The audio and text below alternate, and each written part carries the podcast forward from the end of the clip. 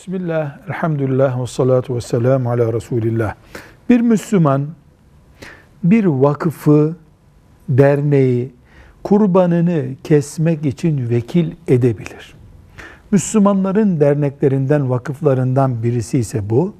Onlar da bunun nasıl kullanılacağını biliyorlardır. Eğer bir vakıf topladığı kurban paralarını helal bir şekilde götürüp yatırdıysa yani kırpıp kesmedilerse Bismillahirrahmanirrahim denip hayvanlar kesildiyse kurban görevi yerine getirilmiştir.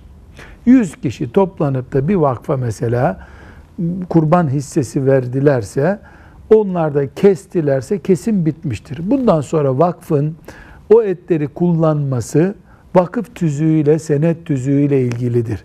Mesela fakirlere yardım eden, öğrencilere yardım eden bir dernekse bağışlayan da biliyordur ki öğrencilere verilecek, verilecektir.